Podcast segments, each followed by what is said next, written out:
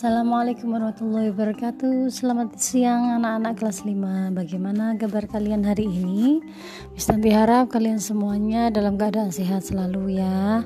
Uh, Pesan Mistanti selalu yaitu Jangan lupa cuci tangan, pakai masker dan jaga jarak Oke anak-anak uh, Mengingat kita akan memasuki bulan Agustus Nanti mendekati ada namanya asesmen nasional atau disingkat dengan AN jadi untuk kelas 5 ini harus persiapan lebih.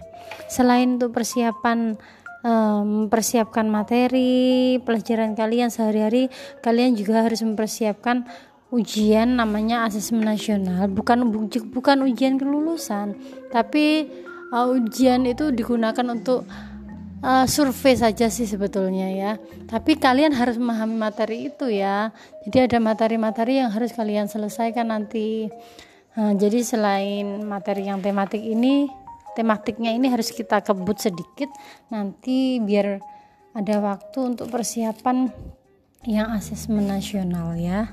Oke anak-anak langsung saja ke materi halaman 10 kita lihat organ gerak hewan dan fungsinya masih ada hubungan dengan hmm, yang kemarin tentang organ gerak hewan yang kemarin manusia sekarang adalah hewan ya sebagai makhluk hidup itu hewan memiliki organ gerak itu fungsinya untuk apa? Ada yang tahu? Nah, organ gerak hewan itu digunakan untuk membantu kegiatan sehari-hari. Tanpa organ gerak, hewan itu tidak bisa bergerak atau berubah posisi. Pada dasarnya itu anak-anak, organ gerak pada hewan dirancang agar makhluk hidup itu bisa aktif. Jadi uh, tidak diam terus atau duduk terlalu lama gitu ya karena kenapa kalau hanya duduk terus lama-lama tubuh bisa sakit nah organ yang digunakan hewan untuk bergerak itu macam-macam anak-anak ada misalkan kalian ambil contoh ada lebah lebah itu organ geraknya apa ada yang tahu Ya, betul sekali. Organ gerak lebah itu adalah sayap ya. Nah, jadi organ gerak hewan itu digunakan untuk berlari, berenang, melompat, terbang, loncat, melatah, merayap itu ya. Fungsi dari organ gerak hewan. Nah, coba kalian lihat lagi halaman 10 nomor 1 itu adalah beberapa contoh hewan yang dengan organ gerak dan fungsinya. Yang pertama itu kanguru. Kanguru itu organ geraknya apa anak-anak? Kaki. Fungsi utama uh, kaki pada kanguru itu untuk apa? Bergerak dengan meloncat, loncat. Kaki belakangnya itu lebih besar, panjang, kuat daripada kaki depan ya. Nah, hewan lainnya yang berjalan meloncat ada kelinci dan kata.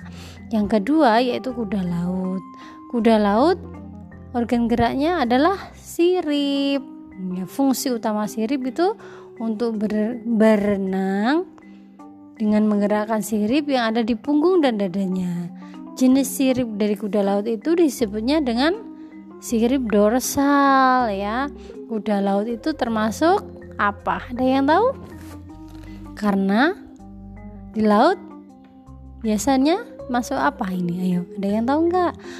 Kuda laut itu termasuk jenis ikan ya. Nah, yang ketiga itu ada rusa.